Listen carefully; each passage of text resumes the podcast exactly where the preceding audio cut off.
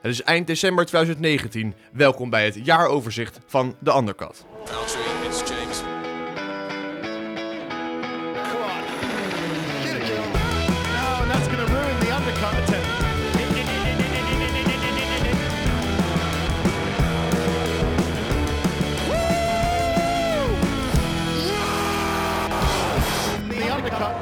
Ja man, aan de andere kant het jaaroverzicht. De laatste van het jaar. Eindelijk weer met, eh, met de originele line-up. Precies, de traditionele bezetting. Het heeft even geduurd. Ja. Het is, eh, jullie waren op een gegeven moment even een tijdje weg. Toen hadden we een aantal coureurs. Met is overigens eh, zeer naar onze, zeer naar onze wens. En zeer naar onze tevredenheid was dat, hè?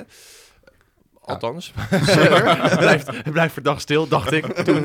Ehm, maar inderdaad, naast mij David. Dav, eh, hoe heb je de kerst beleefd? Het is nu de derde kerstdag, even voor de luisteraars. Je hebt wat kleine oogjes. Ja, ja, gezellige dagen met de familie natuurlijk. En eh, ja, dan heb je ook wel eens een feestje tussendoor. Maar eh, ik denk dat iedereen hier aan tafel daarover kan meepraten. Het verbaast me dat je je stem nog hebt. Ja, tuurlijk, tuurlijk. We doen ons best. Er schijnt compromitterend materiaal gedeeld te zijn vannacht van jou, jongen. Straks te vinden op Instagram. Het is gelukkig, het is gelukkig een podcast, ja. En aan, aan de overkant zitten Thierry en David. Jongens, welkom, ook jullie. David? Eh, sorry, David zit naast mij uiteraard. Nou, Volgens mij is er nog iemand die zit nog een beetje in de kerststemming. Ik zit nog aan het voorgerecht. Eh, jong- jongens, hoe hebben jullie het? eh, drukke dagen, maar zitten jullie fris aan tafel of is het eh Heel helpen fris. geblazen? Nee, ik zit hier heel fris. Ik voel me weer helemaal gezond en ik heb er echt zin om eh, tegenaan te gaan. Deze Om even voor Sebas kijk. te spreken, we hebben betere ochtenden gekend, denk ik. Oh, shit, dat gaan we zo meteen merken dan. Straks gaan we namelijk nabeschouwen op het seizoen van 2019 en natuurlijk ook een vooruitblik op 2020. Maar eerst de reclameronde. Luister jij de Undercut via de Apple Podcast? Geef ons dan graag 5 sterren. En voor de nieuwe luisteraars, welkom. En je kunt je abonneren op Spotify. Dat gezegd hebbende, als altijd, alsof er niks verandert, eerst het nieuws van deze week. Nou ja, eigenlijk zeg ik deze week, maar het mag wel iets breder zijn dan deze week. Een kleine, kleine winter-update eigenlijk van GP-blog. Spas, als lijstjesman heb jij de persvelden verkend. Wat moeten we weten? Ja, er komen eigenlijk tot drie topics eh, die zeker in de afgelopen maand eh, ja, wel heel belangrijk zijn en eh, ja, nodig zijn om te benoemen. Allereerst, Leclerc heeft zijn contract met Ferrari verlengd, of Ferrari heeft zijn contract met Leclerc verlengd, voor vijf jaar.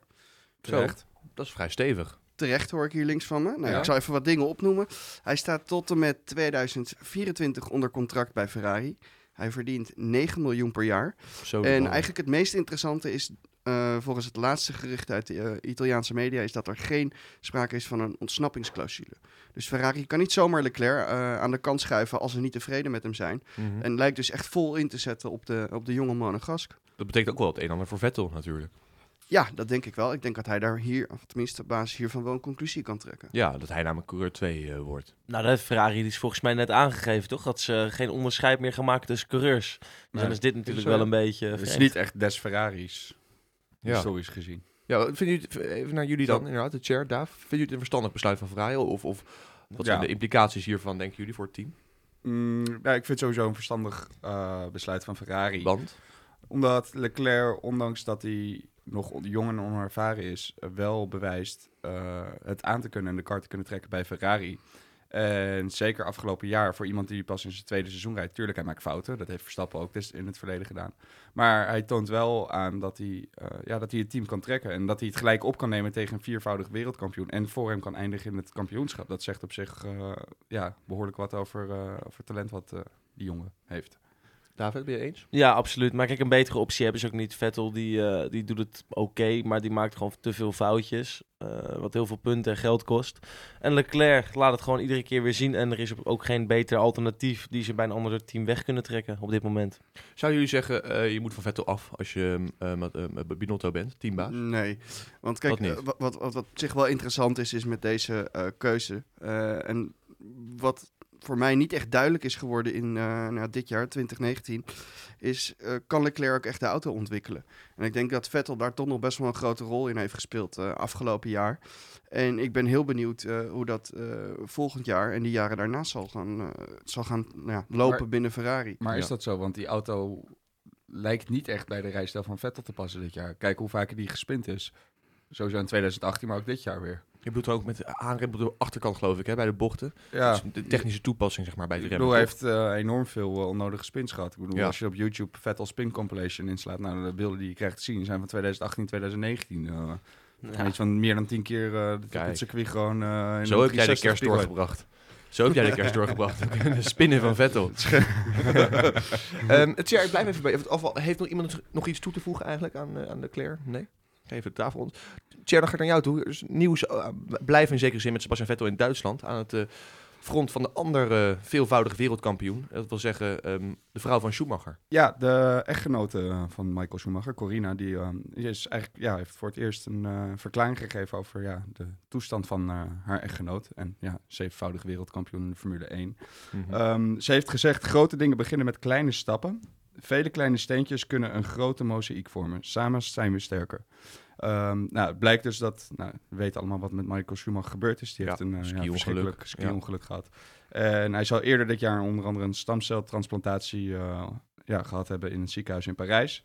En ja, volgens ja, anonieme bronnen zou hij bij bewustzijn zijn, wat eigenlijk ook in lijn eh, ligt met wat we horen van verhalen van mensen die bijvoorbeeld met hem vroeg eer- met hem hebben samengewerkt. Zoals bijvoorbeeld een Jean Todt, die ja, volgens geruchten een eh, Formule 1-wedstrijd met hem heeft gekeken. ja. Ehm, ja, over de exacte toestand verder, hoe hij erbij zit, in wat voor toestand, eh, dat is niet bekend. Maar hij zou dus in ieder geval bij bewustzijn zijn, wat ja, in ieder geval mooi nieuws is, om het maar voorzichtig te noemen, na ja, jaren van onzekerheid of hij überhaupt eh, niet in coma ligt. Ja, het, we koesteren uiteraard elk goed nieuws. Maar als je zegt de, de grote stap beginnen met kleine stappen en een hoop steentjes vormen samen mozaïek, dat was hem alweer. Een Ja. statement. Dat zegt op zich eigenlijk niet zo heel veel. Nee, eh, maar dat, dat zo qua verklaring eh, is het in ieder geval iets. Corina Ja. heeft eigenlijk in de afgelopen paar jaar nooit wat laten horen. En het is Mhm. altijd via een oud manager van Michael is er wat bekendgemaakt via Jean Todt, maar nooit echt via een directe lijn. Dus dit is de eerste verklaring eh, ja, die er is gekomen rondom de medische conditie van Michael. Ja. En ja, het zou natuurlijk heel mooi zijn als we over een paar jaar, als, als zijn zoon in de Formule 1 komt, wat er denk ik wel aan zit te komen, dat in ieder geval Michael dat ja, bewust mee kan maken. Ja, Mick Schumacher, hè? Ja. Formule 2 nog steeds, toch? Ja. Ja. ja, ja. Ehm, Oké, nou helder. Goed, goed nieuws eigenlijk. Een soort van eh, kerstboodschap. Een, een positief bericht uit het gezin van eh, Schumacher. Ja. Sebas, kijk naar jou. Heb je nog wel meer van ons opgeduikeld uit de, winter, eh, de wintervelden van de, van de internationale pers? Ja, zeker. Nou ja, eigenlijk de afgelopen periode, eh, de aanloop eigenlijk naar Zandvoort, de road to Zandvoort, zijn er best wel wat eh, eh, negatieve geluiden geweest, ook internationaal. 3 mei 2020, hè? Ja, en wat, wat mij opviel was eigenlijk Mika Hakkinen, eh, voormalig Formule 1-coureur, wereldkampioen, eh, is positief over de Nederlandse Grand Prix en ook met name op Zandvoort. Stel hij, zei hij vervolgens het volgende, waar ik persoonlijk heel erg naar uitkijk, is het Nederlandse volk en hoe enthousiast die gaan, gaan zijn. Het wordt een gekke huis, het gaat zo'n gekke Grand Prix worden. De fans zullen echt uit hun dak gaan en er heel veel plezier aan beleven. Het wordt een soort carnaval. Nou ja, dat carnaval, Ja. dat, dat zie ik op zich wel voor me. Dat zie je nu al een beetje eigenlijk tijdens de eh, ja, eh, Grand Prix van de af-. Ja, en Ja, ook de uitraces met, eh, met de Nederlandse fans. En dan laat hij het volgende los over het circuit. Wat betreft het circuit, zelf willen ze er iets bijzonders laten zien. Iets moois. Ze willen het ook op een manier doen wa- waardoor het een blijvend evenement wordt. Niet voor een jaar of twee, of zolang Max nog rijdt, maar echt voor de lange termijn. Ik denk dat het een mega Grand Prix wordt en ze zijn er helemaal klaar voor.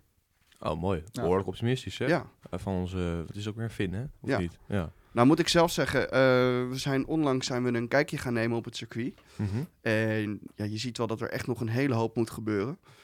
Maar je ziet wel dat er duidelijk, dat er echt met een goed plan eh, aan de slag wordt gegaan. Zo wordt er, eh, nou, naar mijn idee, wordt er getest de kombocht. Achter het eh, circuit zijn ze de kombocht aan het testen, het asfalt.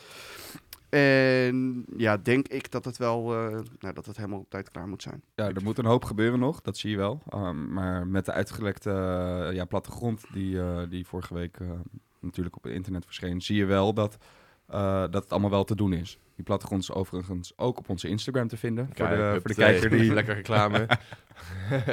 nou, nou ja, eigenlijk, die- bedoel, het was al zo uitgebreid eh, toegelicht, de race en de twee combo, of eh, de circuit natuurlijk, twee kombochten, et cetera. Had, had die plattegrond dan nog heel veel verrassingen in petto?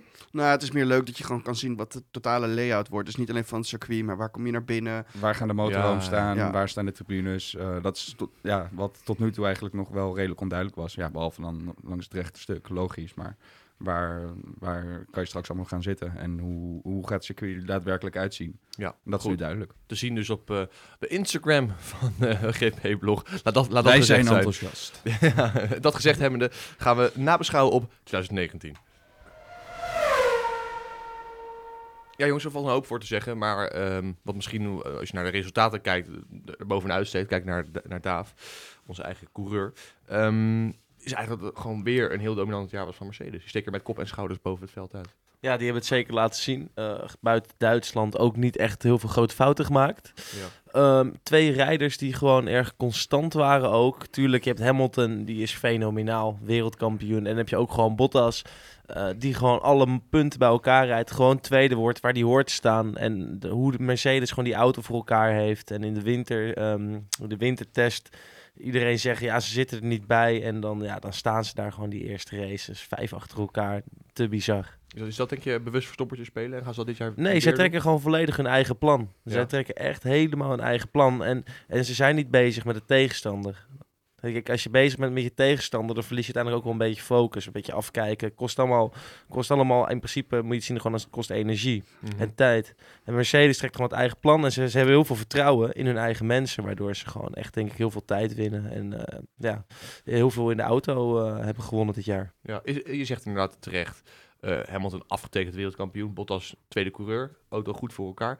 Is dat een perfect team? Kan, kan er iets beter? En zo ja, waar? Nou ja, ik, ik zou zeggen, kijk, voor het spektakel heb ik liever een Lewis en een Rosberg naast elkaar zitten. Alleen voor Mercedes, dit is voor Toto Wolff, dit bespaart een hoop kopzorgen. Weet je, hij wordt Bottas wordt meestal tweede. Ze Mhm. hoeven nooit echt te vechten. We hebben nooit echt een heel spannend gevecht gezien tussen die twee. Ja, eventjes in Engeland dit jaar.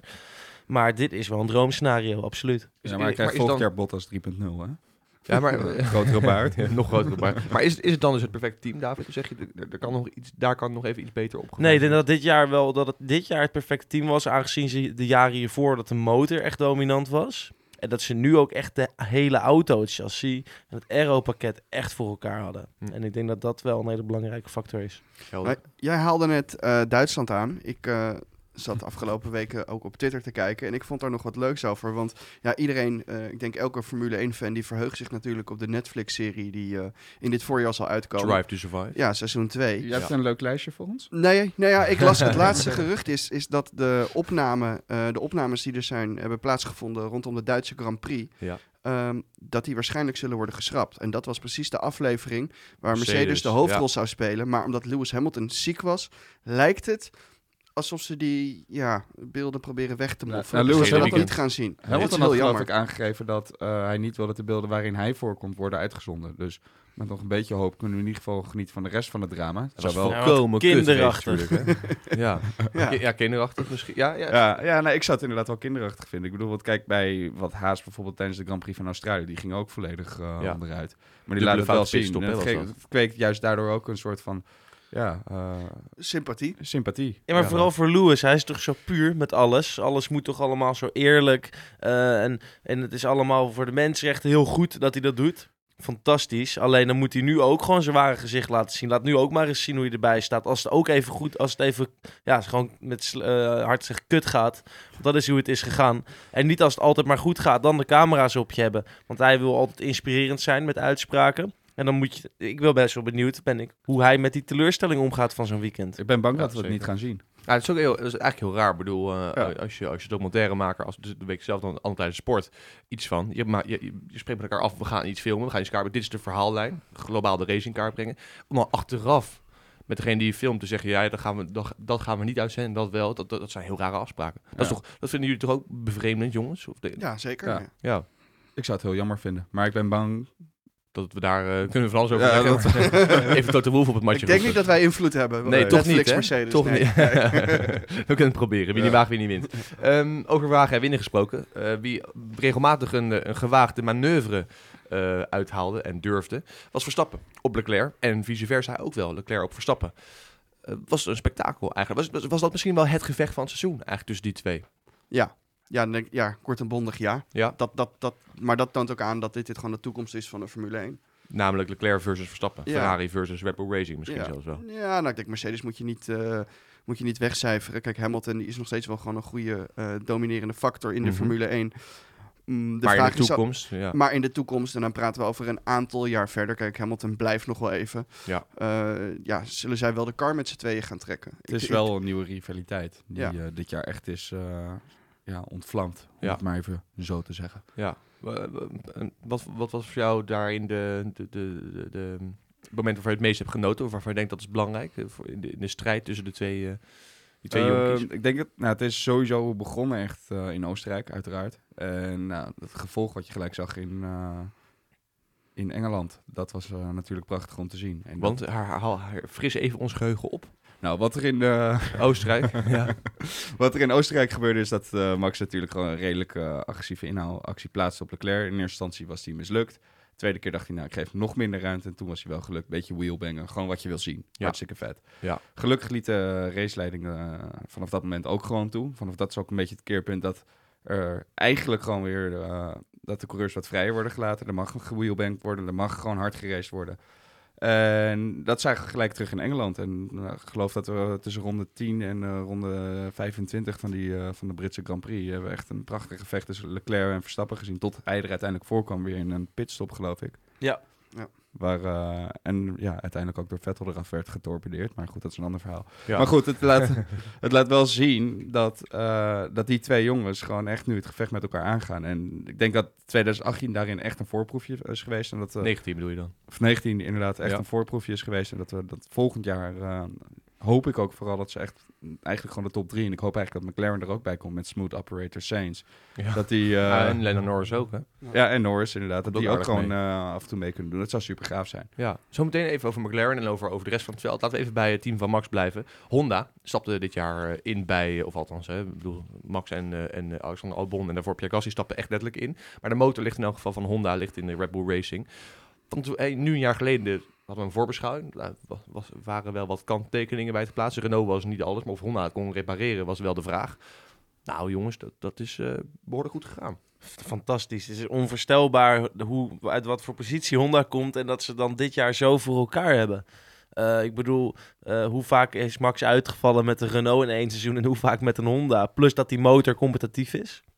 Dat ze ook, zij moeten alleen maar omhoog werken. De andere teams zitten ook niet stil. Dus wat Honda, waar Honda mee bezig is, is echt een heel erg mooi project. En ik denk dat het ook alleen maar beter kan worden. Ik denk dat het voor Red Bull nu juist de zaak is om de auto op orde te hebben. En Honda moet vooral de motor gewoon. Eh tuurlijk s- moet sneller worden, maar hij moet ook, ze moeten ook voor zorgen dat, dat hij gewoon niet uitvalt. Want dat, dan, dan Ja. denk ik dat Max er echt voor kan gaan. Maar dat hebben ze dit jaar al redelijk eh, onder de knie. Ik bedoel, de reputatie van Honda met McLaren toen ze in 2015 terugkwamen tot, nou, wat was het, 2017. Eh, ja, was niet al te best. Ik bedoel, eh, beelden van eh Button, Alonso en Van Doorn en iedereen... dat die met rokende motoren langs de kant van het circuit stonden. Ik bedoel, dat, dat was een beetje het imago wat ze hadden. En als je kijkt waar ze nu staan, bijna geen enkele uitvalbeurt in ieder geval met Verstappen. Of met Verstappen is volgens mij niet eens één Nee. keer uitgevallen dit jaar. En met Toro Rosso een paar keer, ja. die, die zijn ongetwijfeld opgeofferd ook. Ehm, los van de betrouwbaarheid, dat ze nu inderdaad ook gewoon qua vermogen serieuze stappen hebben gemaakt. Het feit dat inderdaad die Toro Rosso met een drag race naar de finish in Brazilië die Mercedes eruit Ja, trekt. geweldig. Ondanks dat die motor iets nieuwer is, weet je. Het, het belooft wel wat. Het Ja. snelheidsverschil is steeds... Al die motoren liggen nu steeds dichter bij elkaar. En dat is wel heel gaaf om te Maar is dat niet precies het pijnpunt eigenlijk juist? Dat, dat, dat Red Bull Racing al jaren, ook met de Renault-motor, dan ge- ge- du- doorheen het seizoen eigenlijk steeds dichter bij de top komt. Namelijk Mercedes, dan wel Ferrari. Betrouwbaarheid is inderdaad, zeker voor het eerste jaar moet je niet uitvlakken, is waanzinnig knap. Dat ze, dat ze meteen bij de top zitten. Maar, maar niet aanhaken bij de top. En als Bull Racing consistent, dat is eigenlijk de reden waarom Daniel Ricciardo wegging. Bij Australië sta je eigenlijk helemaal achteraan, dan ben je het derde team. En dan gedurende het jaar kom je steeds dichterbij. Maar nog steeds niet per se vooraan. Is dat niet Ja, maar met Het- Renault het had je euvel. geen perspectief om het op te lossen. Want het Ja. werd gewoon echt niet beter. En het is, kijk, heel veel mensen zien ook niet dat er iedere keer onderdelen tekort zijn. Als er een motor in elkaar klapt, dat je, dat je moet gaan... Ja, het is gewoon heel lullig gezegd dat je moet echt moet gaan smeken om onderdelen. Nou, Dat was Honda, namelijk zo, hè? Bij Ja. Renault. Ja. En bij Honda ligt alles keurig klaar. Alles is goed geregeld. Dat heeft Max ook aangegeven. Ja, dat is heel erg fijn werk voor zo'n team. En met Honda, die heeft ook echt gezegd... wij willen naar de top. En die hebben waarschijnlijk een heel erg helder verhaal... ehm, eh, aan Red Bull eh, verteld. En ook laten zien in de fabriek. En Red Bull heeft daar veel meer perspectief in gezien. Dat is bij Renault bijvoorbeeld. Want dat Ja, is gewoon een Red andere Bull klasse. prijst voornamelijk gewoon de werkethiek van, eh, ja, van Honda, Honda, en van de Japanners. Japanners. Ja. En Ja. ik denk ook wel dat eh, Red Bull of en dat Red Bull Honda en dat Honda nog wat harder had kunnen lopen eh, dit jaar. Maar ik denk ook dat, dat Honda heeft gedacht, we gaan het gewoon op safe spelen. Mhm. Eh, vooraf is ook gezegd, 2019 is eigenlijk een beetje een opbouwjaar. De opmars naar 2020 waar het moet gaan gebeuren. En ik denk dat ze daar heel goed gebruik van hebben gemaakt. Ja, dus, dus eigenlijk voor 2020 gaan ze echt, echt vlammen. En dan hopelijk niet de vlammen op, zoals Ja, maar dan, eh, dan ga ik wel herhalen wat ik al eerder heb gezegd. Dan moeten ze er wel echt vanaf eh, de eerste Australië. race in Australië, Ja. moeten ze er staan. Ja. Anders dan, ja, ben Geloof toch weer bezig met een meteen, meteen inhaalrace. gaan we verder voor, voorbeschouwen. Maar geloof jij dat, Sebastian, dat het mogelijk is voor Honda? Ehm, als ik kijk naar de laatste paar races, denk ik het wel. Oké. Ja, ik denk het ieder jaar eigenlijk, dat het dan toch wel een keertje mogelijk is. Dus ik ben... Ko- Kom je ieder jaar wel van de koude Ja, kermis daarom. thuis? ik, eh, ben, ik ben erg sceptisch. Maar je moet ook... Hoeveel budget Honda er tegenaan gooit in vergelijking met Renault. Kijk, budget is wel alles in de Formule 1. Want daarom zijn de kleine teams... Ook, ja, ja, precies. En Ja. Red, Red Bull natuurlijk ook. Maar Ja. nu om de motoren, dat is gewoon een wereld van verschil. ja, Ja, en een fabriek ligt op steenworp afstand van de Red Bull fabriek. dat is ideaal. Ja. Ehm, het was niet alleen maar eh, hoogtepunten het afgelopen jaar. Er zijn ook een paar ehm, mensen overleden te betreuren. Kijk even naar eh Sebastian. Je hebt voor ons de, de, de meest tot de verbeelding sprekende mensen eruit gepikt die we hebben verloren dit jaar. Ehm, ja, nou ja, ik denk, ik denk dat we eigenlijk moeten beginnen ook begin 2019. eh, dat is natuurlijk het eh, ja, eh, overlijden van Charlie Whiting. Mhm. Dat begon al eh, in Australië. En ik denk wel dat dat echt heeft gezorgd ook voor een, eh, een schokgolf in de Formule 1. Ja. Naast Ecclestone, eh, ja, die nu dus niet meer echt direct betrokken is bij de Formule 1, was Whiting wel ja, een van de gezichten van de sport. En je hebt ook zeker afgelopen jaar flink wat coureurs eh, ja, mooie dingen eh, horen zeggen over, over Whiting. Hij, hij was het gezicht, hij zorgde voor de veiligheid. Hij was eigenlijk een beetje de, de peetvader van de coureurs. Ja. Ja. En ik denk dat dat heel zonde is. eh, nou ja, logisch, maar het is heel jammer dat we zo iemand missen. Echt een, een- een gezicht in de sport. Tegelijkertijd, ehm, dat was eh, absoluut, absoluut waar wat je zegt, denk ik. Spreekt voor iedereen inderdaad een, eh, hele veld spreekt zijn eh, waardering daarover uit. Tegelijkertijd Michael Masi, zijn opvolger, doet het niet slecht. Nee, die gooit het ehm, over een andere boeg. En ik denk dat hij dat inderdaad niet slecht doet. Qua meer racen bedoel je hij, dan, ja, hij laat, hij laat wat meer racen. Ja. Ik denk ook wel dat dat een beetje de visie is van Liberty Media, de eigenaar van de Formule 1. Ja, Amerikaanse Ja. sinds vorig jaar. Die, ja. die willen meer, eh, meer spanning, meer sensatie. Nou, ik denk dat we zeker als we terugblikken op het laatste half jaar, dat we dat zeker hebben gezien. ja, Ja. Charlie Whiting dus. Ehm, grote man bij Mercedes. En een, ik meen drievoudig wereldkampioen, misschien viervoudig. Correct me if I'm wrong. Drievoudig, ja. Is eh Niki Lauda ont, ontvallen. Dat, was, dat, was, dat, was, dat werd eigenlijk een, een, een soort van monument voor de sport. Met Ja. de rode petjes en alles. Ja, Lauda is, eh, is veel meer dan, dan, dan een eh, een drievoudig wereldkampioen in de Formule 1. Lauda was net ja, als Whiting eh, een, een, een, een, een vast gezicht op de grid. Ja. Eh, bij Mercedes eh, was, eh, ja, Ja, niet alleen bij Mercedes, hij was ook gewoon voor, voor, voor de hele Formule 1. Ik bedoel, het is een Formule 1-legende die, ja, natuurlijk, zoals iedereen ook weet, een verschrikkelijk ongeluk heeft doorgemaakt. Eh, vervolgens wel een comeback heeft gemaakt, alsnog wereldkampioen is geworden. En ja, eigenlijk sindsdien altijd wel betrokken is geweest bij de sport. En helemaal daarna bij Mercedes is het, eh, voor hun is het sowieso een hele ja, belangrijke man geweest. Los van dat hij geloof ik aandeelhouder was, was natuurlijk ook een mentor voor iedereen die eigenlijk binnen het team, een soort van boegbeeld. En ja, als zo'n iemand wegvalt, dan hakt dat naast in de hele Formule 1-wereld ook natuurlijk voor Mercedes, hakt dat er eh, en ook een in. goede Ja. criticaster. Ja.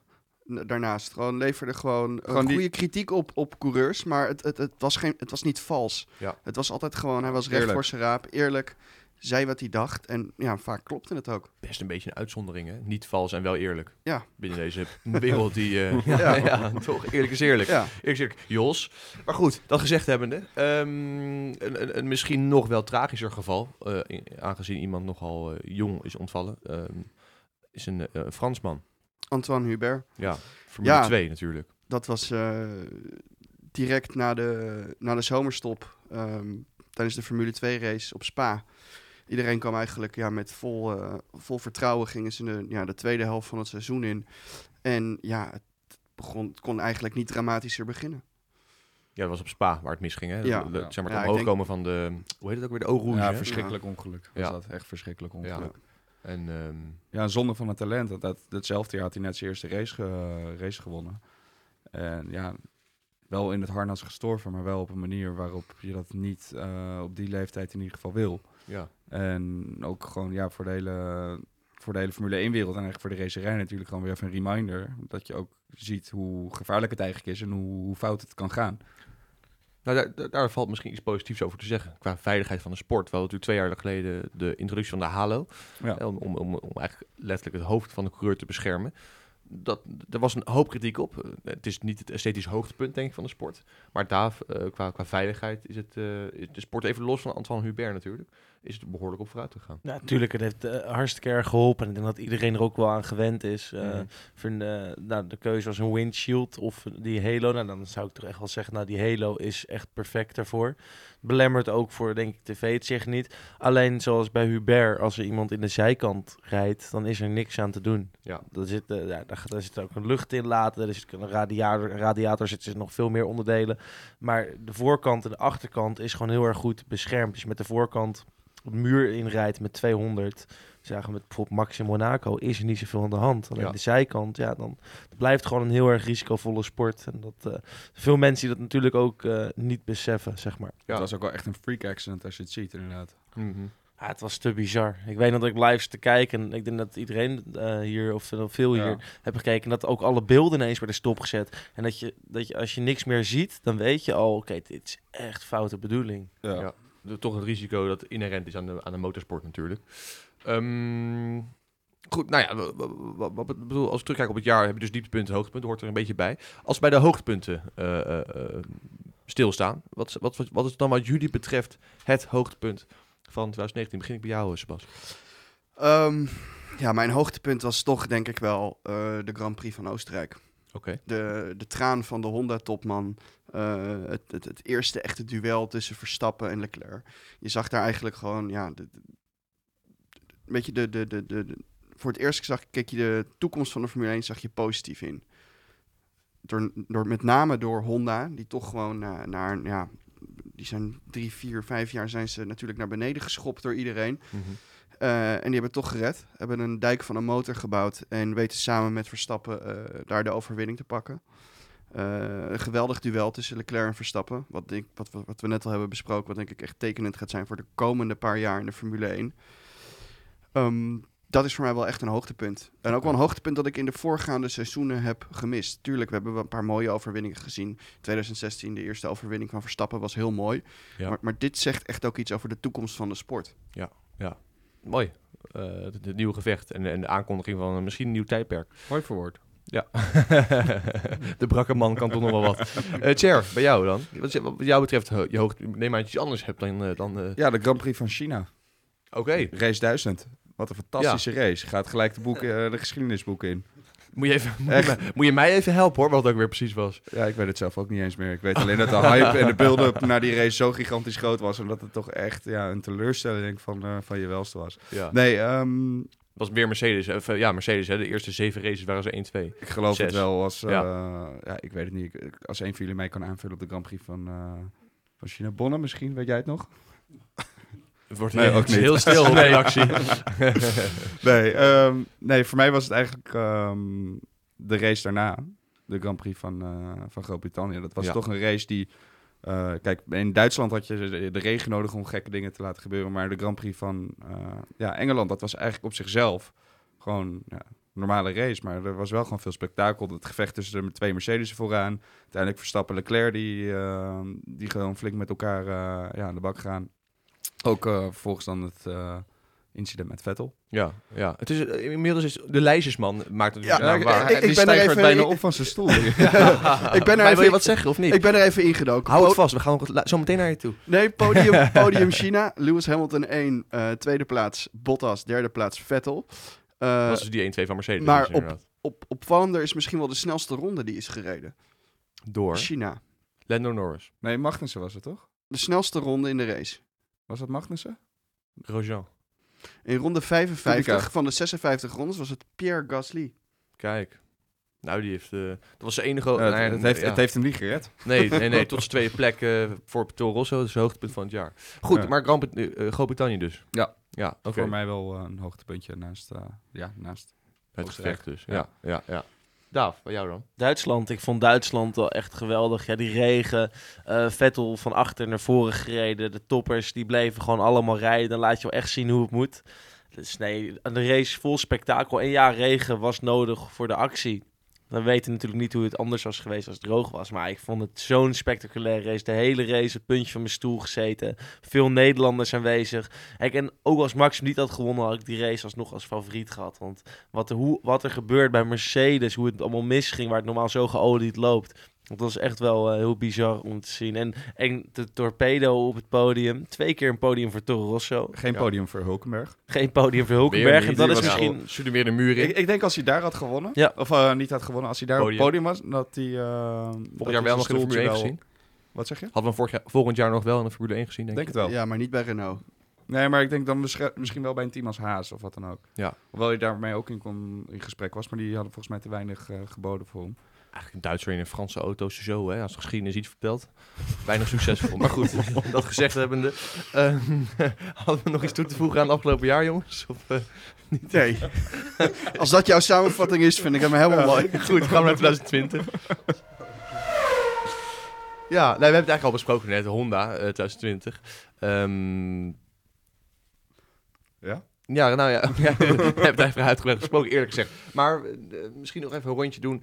Australië, dan, dan moeten ze er echt staan. Eh, David zegt van, ik heb het elk jaar gehoopt dat, dat, dat, dat eh, Red Bull Racing dan stond. Eerst met Renault en dan met Honda. Je ziet, jij ziet het niet heel erg gunstig. Jawel, Je- je jawel maar voor- ik durf er gewoon niks over te zeggen. Ik, ik, ik heb echt hoge verwachtingen. Ik heb Ja. echt verwachtingen dat ze er staan. En dat wil ik niet zeggen voor een P1, maar zeker een podium, derde of tweede plek. Ja. Ehm, kwalificatie gezien, daar moeten ze ze kwalificeren. Want inhalen is lastig, dat weten we. Ja, de zaterdagen waren zo, ook niet, sowieso, was niet het sterkste punt van Honda trouwens, hè? kwalificatie. Eh, de eerst niet, maar later werd het wel Later beter. juist wel, ja. Ja, ja. Maar ik denk dat je gewoon naar de eerste twee races eigenlijk al, dan kun je al zien, is het wat? Want dan ga je zeg maar eh, Melbourne, dan zie je ook of het chassis en de aero goed is. Dan ga je naar Mhm. Bahrein, waar je echt veel pk's nodig hebt. Natuurlijk ook veel aero. Ja, maar dat wordt voor Ferrari sowieso.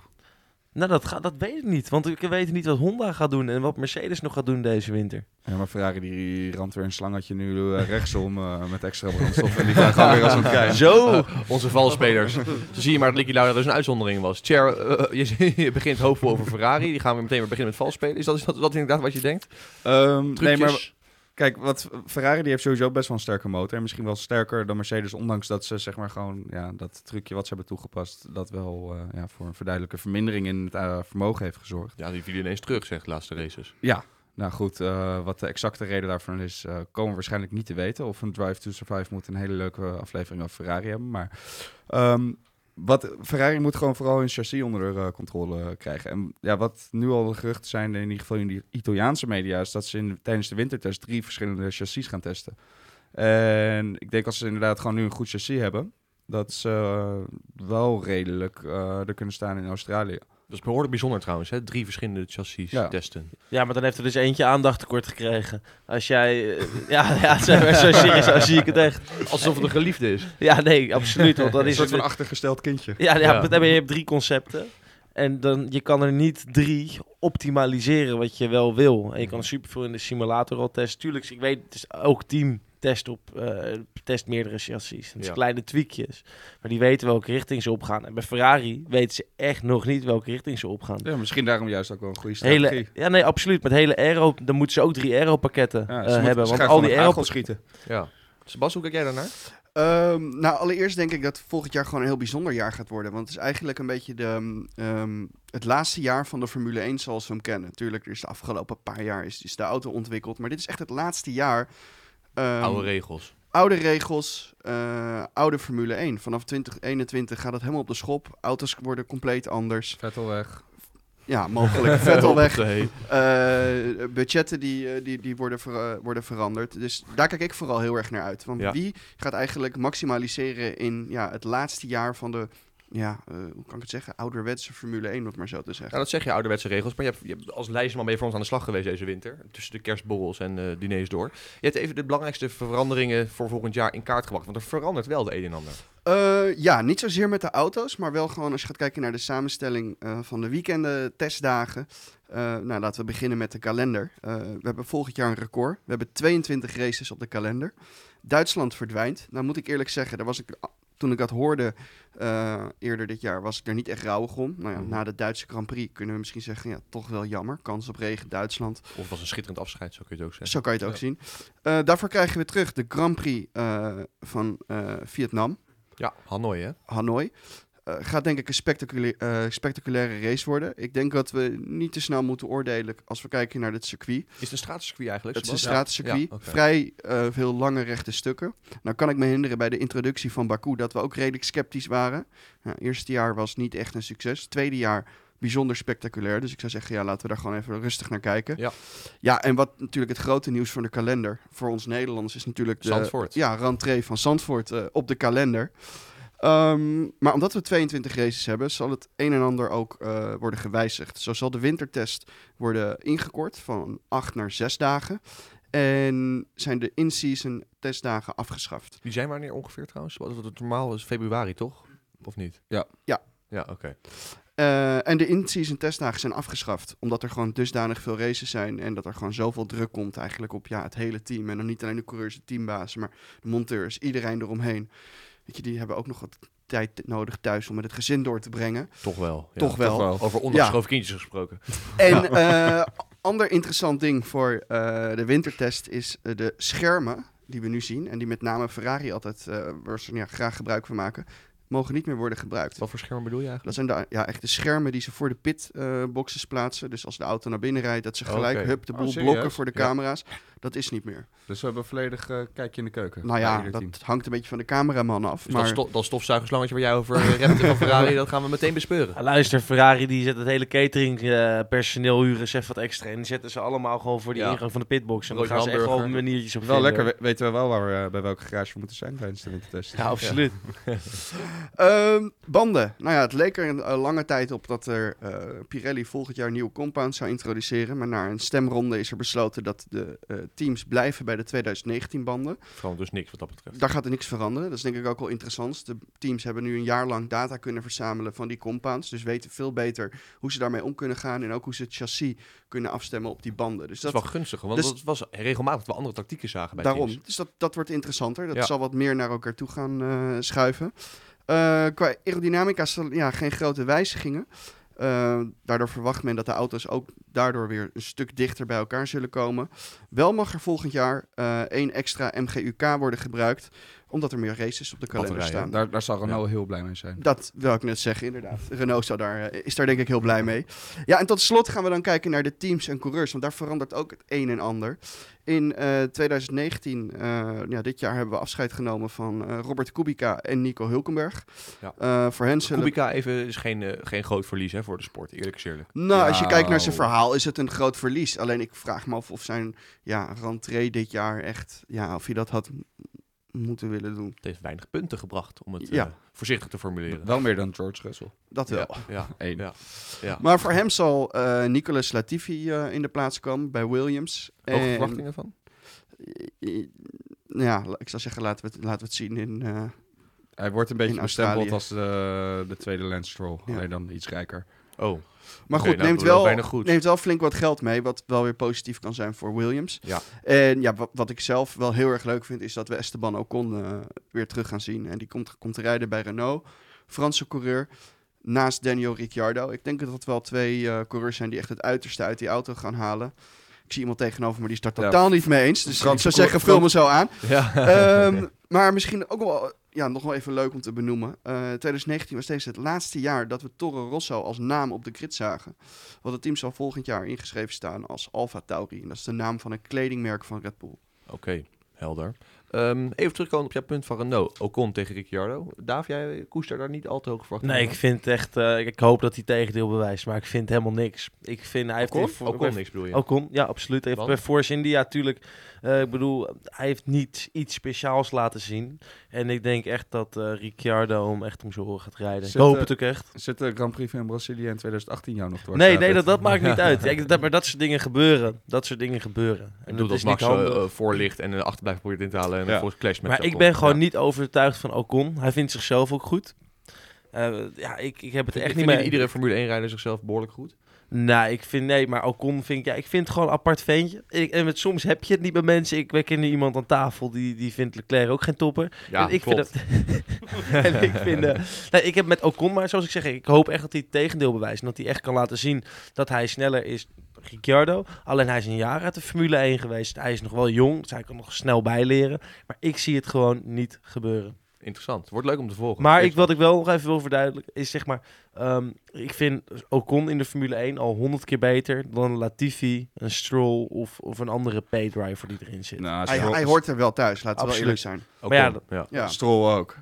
Stroll. Stroll, Stroll heeft wel een, Doel, een speciaal plekje. Eh, ja. Hey, even kort inhoudelijk, Chair. Uh, Ja. Ocon, eh, de- de- Sebas eh, zegt positief. Wordt interessant bij Renault. nee, ik vind ga elkaar eh, opstuwen. Ja? heel positief. Oké. Ja, ondanks dat we dezelfde, vaak dezelfde mening hebben. Maar ja, nee, ik vind het heel twee gaaf. op één buik. Ik vond, eh, ik vond Ocon altijd wel, eh, wel een eh, ja, bijzondere coureur. Hij was snel. Eh, hij reed sowieso het eerste jaar dat hij kwam, reed hij gelijk in. kwam hij geloof ik tijdens de Grand Prix van Monaco. Of net daarna kwam hij erin, reed hij Pascal Wehrlein gelijk ziek, zoek.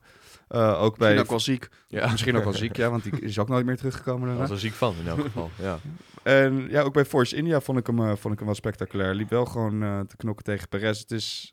Kijk, of het een echte topper is van het niveau Max en eh, Leclerc, dat, ja, dat zullen we moeten zien. Maar het is in ieder geval wel een, een gretige coureur. Iemand die aanvalt, iemand die agressief is. En dat is denk ik iets wat we alleen maar kunnen verwelkomen. Ondanks dat het natuurlijk een beetje politiek is dat we nu een Franse coureur bij een Frans team hebben. En dat Nico Hulkenberg daarvoor uh, Geslachtofferd wordt die Duitser. moeten plaats uh, Ja. Of, uh, ja, nee, goed. Nou, wie dat zijn. Um, even concreet. McLaren en Renault. Wordt dat uh, strijd om team 4 of hoger misschien Mm, zelfs? Ik denk dat McLaren, uh, of McLaren er volgend jaar gewoon staat. En dat het voor Renault nog steeds lastig gaat Ja. worden. Zeker met het huidige bestuur dat er is bij, bij Renault, denk ik dat ze gewoon door zullen kabbelen. McLaren zie ik volgend jaar wel echt grote stappen zetten.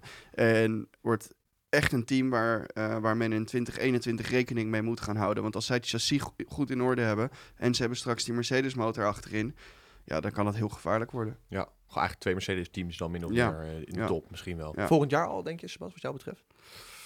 Ehm, nee, maar ik, de- ik denk, we- ja, het, laat, ik het, laat ik het zo zeggen. Als we dat even moeten vergelijken dan met dit jaar, zie ik wel uh, McLaren wel dicht tegen de top 3 gaan, uh, gaan aanhikken. Oké, helder. Tot slot, jongens, een slotvraag. Misschien wel de belangrijkste vraag. Max, gaat hij uh, meedoen met wereldkampioenschap? Oeh, het blijft lang stil. Ja, ik durf het te zeggen. Gaat gebeuren. Wel Absoluut. gebeuren. Ja. Ja. toch. de Meedoen er zeker. staan. Meedoen zeker. Ja, Ja, meedoen zeker. Of je hem wint, is een ander verhaal. En wat, hoe definieer je dan meedoen? Nou, ik denk in de ruimste Ik, zin ik, van ik, het vind, woord. ik vind het nog een risico om te zeggen dat Red Bull vanaf race 1 er staat. Ik denk wel Mhm. dat ze in staat zijn in ieder geval voor de top 4 een podium, gewoon punten te pakken. Ehm, maar ik vraag me af gewoon hoe goed die Mercedes volgend jaar is. Want tot, je, tot nu toe, ieder jaar staan ze er wel. En we weten van Red Bull, die hebben altijd een trage start. En vorig jaar zou het al iets anders geweest zijn. Nou, toen was die auto gewoon ja, KUT tijdens het begin, of afgelopen seizoen was dat tijdens het begin. Ehm, gelukkig blijven de reglementen wel gelijk, waardoor het enigszins eh, een betere kans heeft. Maar ook in de periode van 2005 en 2016 veranderen de regels ook niet. En dan hebben ze ook een trage start. Dus het is, ja, we moeten het zien. Ehm, ik denk wel dat Max het maximale eruit kan halen, waardoor hij wel gewoon, zeker in de beginfase, gewoon de punten pakt om, om mee te doen. Als het teamgenoot niet weer eh, twee auto's op fout met, de met de windtest. Nou ja, Ja. kijk, waar we ook rekening mee moeten houden, en, en zeker als we ook naar Ferrari kijken dit jaar, hun chassis was zeker niet, niet het beste chassis. Sterker nog, het was af en toe best wel slecht. Ja. Maar waardoor waren zij toch zo dominerend door hun motor. Dus als Red Bull of als Honda eh, deze winter ook gewoon goed doorwerkt en gewoon een dijk van een motor neerzet, ja, dan kunnen ze ook al de eerste twee races, drie races, kunnen ze gaan compenseren als het chassis nog niet goed is. Ik denk ook dat het eh, redelijk te maken heeft dat Ferrari tweede is. Ik denk dat ze niet eens een hele sterke auto hadden qua chassis, maar gewoon inderdaad een motor. En ik denk zelfs dat Red Bull beter was. Alleen als ze een goede tweede coureur hadden, dan eh, hadden ze de nodige punten bij elkaar geschaapt om misschien tweede te worden in het kampioenschap. Helder. Max gaat hem niet per se winnen, is hij de voorspelling, maar gaat Hij hij doet mee. wel meedoen. Hij doet mee. meedoen. En dus beter dan, eh, beter dan we ooit hebben gehad, eigenlijk. Want Ja. hij heeft nog niet eens echt meegedaan, serieus, voor de titel. Als je derde wordt, doe je sowieso mee. Nou, Maar goed, het puntenverschil is wel heel groot. Ja, het Nee, Ja, hij, deed, hij, van deed, dit hij deed jaar. dit jaar toch nog geen seconde mee. Nee, absoluut. Maar kijk, eh, hij wordt wel derde. Eh, dat is überhaupt al heel bijzonder dat een Nederlandse coureur dat wordt. Hè. Dat is nooit gebeurd. En volgens mij is iedereen hier in Nederland vindt het nu heel erg normaal. En die is alleen maar omhoog aan het kijken. Maar sta er wel even bij stil wat deze jongen allemaal neerzet. Maurits, wat denk jij eigenlijk? Ehm, nou, ik hoop dat... ik hoop wel dat hij meedoet. Ik moet eerst zeggen, eh, eh, daarom om daar nog op terug te komen. Kijk, dat, dat hij derde wordt geweldig. Maar hij heeft toch geen seconde, hij heeft geen seconde meegedaan voor het wereldkampioenschap. Dus als hij dat volgend jaar wel doet, zou al denk ik pure winst zijn. Nou, En ik denk die kans er wel is, eerlijk gezegd. Heeft hij dit jaar nou niet echt meegedaan? Want als we even kijken naar wat er eh, voor de zomerstop gebeurde, was er wel echt sprake van een goede opmars van Red Bull. En hoe had dat eruit gezien als Ferrari niet zo dominerend was geweest na de zomerstop? Ja, maar dat, dat is het eerste punt. paar ra- Hoe nee, had het eruit gezien als, maar dat was niet zo. Nee, maar goed, Ja, als je dus de eerste seizoenshelft bekijkt. Mhm. Mercedes, hè, eerste zes races, allemaal 1-2. Ja, was Die hebben, die hebben al een klap uitgedeeld daar. Dat was was je niet- eigenlijk al klaar. Ja. Ja, beetje zo, ja. goed, En, ja, en, en Ferrari heeft het ook weggegooid natuurlijk in Bahrein en later ook nog bij andere races. Maar het is, eh, dat team staat er gewoon, altijd. ja, we gaan het zien. Nou, volgend jaar minimaal derde. Dan heeft hij in elk geval uh, Tweede. geboekt. Tweede minimaal of kampioenschap. Dat is een mooie, dat willen we horen. Dat, was- dat willen we. En met die optimistische boodschap eh, zijn we bij het einde van de laatste aflevering van Undercut 2019. Dank weer natuurlijk aan de vaste traditionele bezetting. Zien we die volgend jaar weer vaker in deze combinatie aan Zeker. jongens? Absoluut. Ja. Zeker. Maurits, jij eh, hartstikke bedankt voor een jaar lang eh, weer de podcast. eh, Ja, graag gedaan. Graag gedaan. No problem, no problem. Gaan we eigenlijk, eh, wat gaan we doen jongens met de oud en nieuw en de jaarwisseling? Zijn er grootse plannen voor eh, de winter? Ja, maar moeten we die delen in deze podcast? Nou, ik ben wel benieuwd als het interessant is. Gaat iemand rijden? Of gaat iemand naar Zandvoort de, de, de, de polshoogte nemen? Zijn er, eh, Ja, we zijn... eh, vorige week zijn we nog bij Zandvoort geweest, om even te kijken. Ja, Eh, ja. En eh, dat gaan we tijdens de winter gaan we dat vaker doen. We hebben drones, dus we zullen eh, gedurende... Wacht. Zandvoort, we hebben geen drones trouwens. Eh, we doen helemaal niks. Het is nou van niet van GP-blog, die drone die hier nu boven de Hugen hotspot ligt. Eh Daaf, jij gaat racen? Je, je rijdt veel sim Nee, natuurlijk. nee, nee, ik ga, nee, ik ga op vakantie. eh, ik ga even eh, naar Zuid-Afrika. Ah, Oh, daar ga ik even genieten.